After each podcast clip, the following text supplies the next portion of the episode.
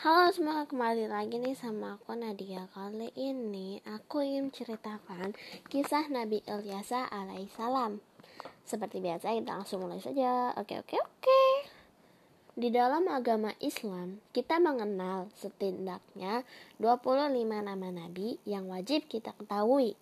Salah satunya adalah Nabi Ilyasa. Di dalam Al-Quran, nama Nabi Ilyasa disebut sebanyak dua kali yakni pada surat Al-An'am ayat 86 sampai 87 yang artinya dan Ismail, Ilyasa, Yunus, dan Lut. Masing-masing kami lebihkan derajatnya di atas umat pada masanya. Dan kami lebihkan pula derajat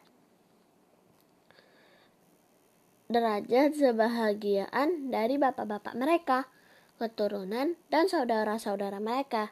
Dan kami telah memilih mereka untuk menjadi nabi-nabi dan rasul-rasul. Dan kami menunjuki mereka yang jalan yang lurus.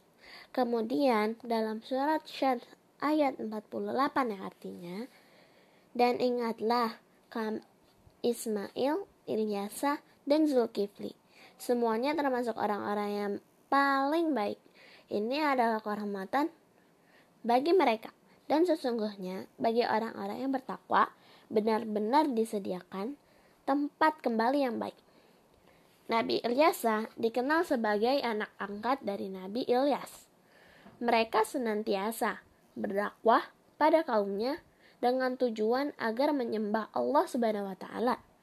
Meski meski tak banyak dikisahkan, namun perjalanan Nabi Ilyasa dalam melakukan dakwahnya begitu inspiratif. Sikapnya menjadi pemimpin pun patut menjadi teladan. Untuk mengetahui secara lebih dalam mengenai kisah Nabi Ilyasa, berikut kami telah merangkum kisah Nabi Ilyasa dalam melakukan berdakwahnya yang dilansir dari beberapa sumber. Kisah Nabi Ilyas saat bersembunyi di rumah Nabi Ilyasa dari silsilah keluarga yang dapat dilihat, diketahui bahwa Nabi Ilyasa merupakan anak kandung dari Ashbats. Namun, Nabi Ilyas menjadikan Nabi Ilyasa sebagai anak angkat. Karena itulah, kisah Nabi Ilyasa erat kaitannya dengan Nabi Ilyas. Dalam beberapa riwayat, pernah dijelaskan bahwa Nabi Ilyas sempat dikejar oleh kaumnya yang durhaka. Mereka tak patuh pada Nabi Ilyas, pun mendapatkan azab berupa kemarau panjang. Ketika segerombol kaum durhaka mengejarnya, Nabi Ilyas bersembunyi di dalam rumah Nabi Ilyasa. Saat itulah Nabi Ilyas bertemu dengan Nabi Ilyasa yang masih sangat belia. Namun, menderita penyakit keras.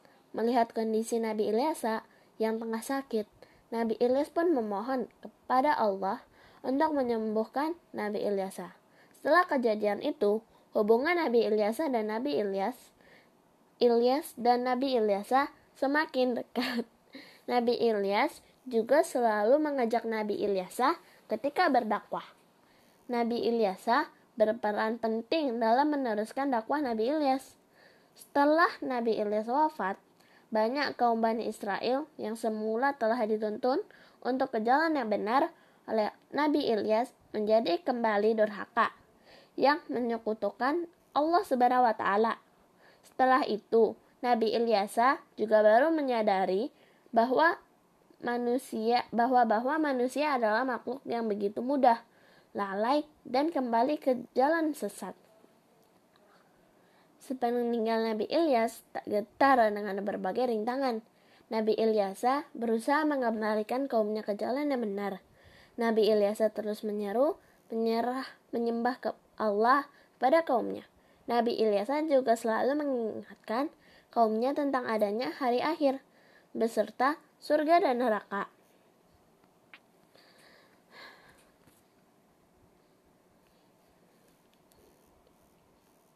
Wait, wait.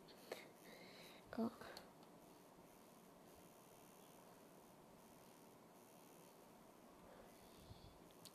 Dan tak hanya itu, Nabi Ilyasa juga menjadi raja dan pemimpin yang arif bijaksana. Selama masa pemerintahannya, Nabi Ilyas, Nabi Ilyasa berhasil menciptakan tatanan masyarakat yang makmur dan sejahtera.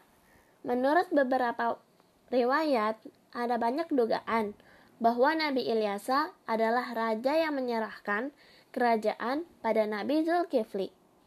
Nabi Ilyasa disebutkan tak memiliki keturunan, sehingga beliau mewariskan kerajaannya pada orang yang mampu memenuhi syaratnya.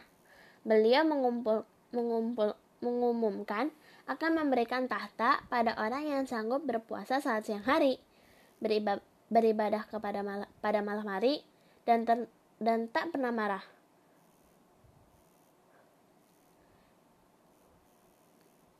Mungkin segini dulu untuk kisahnya. Mungkin segini dulu untuk kisah Nabi Ilyas alaihissalam. Maafkan aku kalau ada kesalahan atau apa-apa. Maafkan aku ya.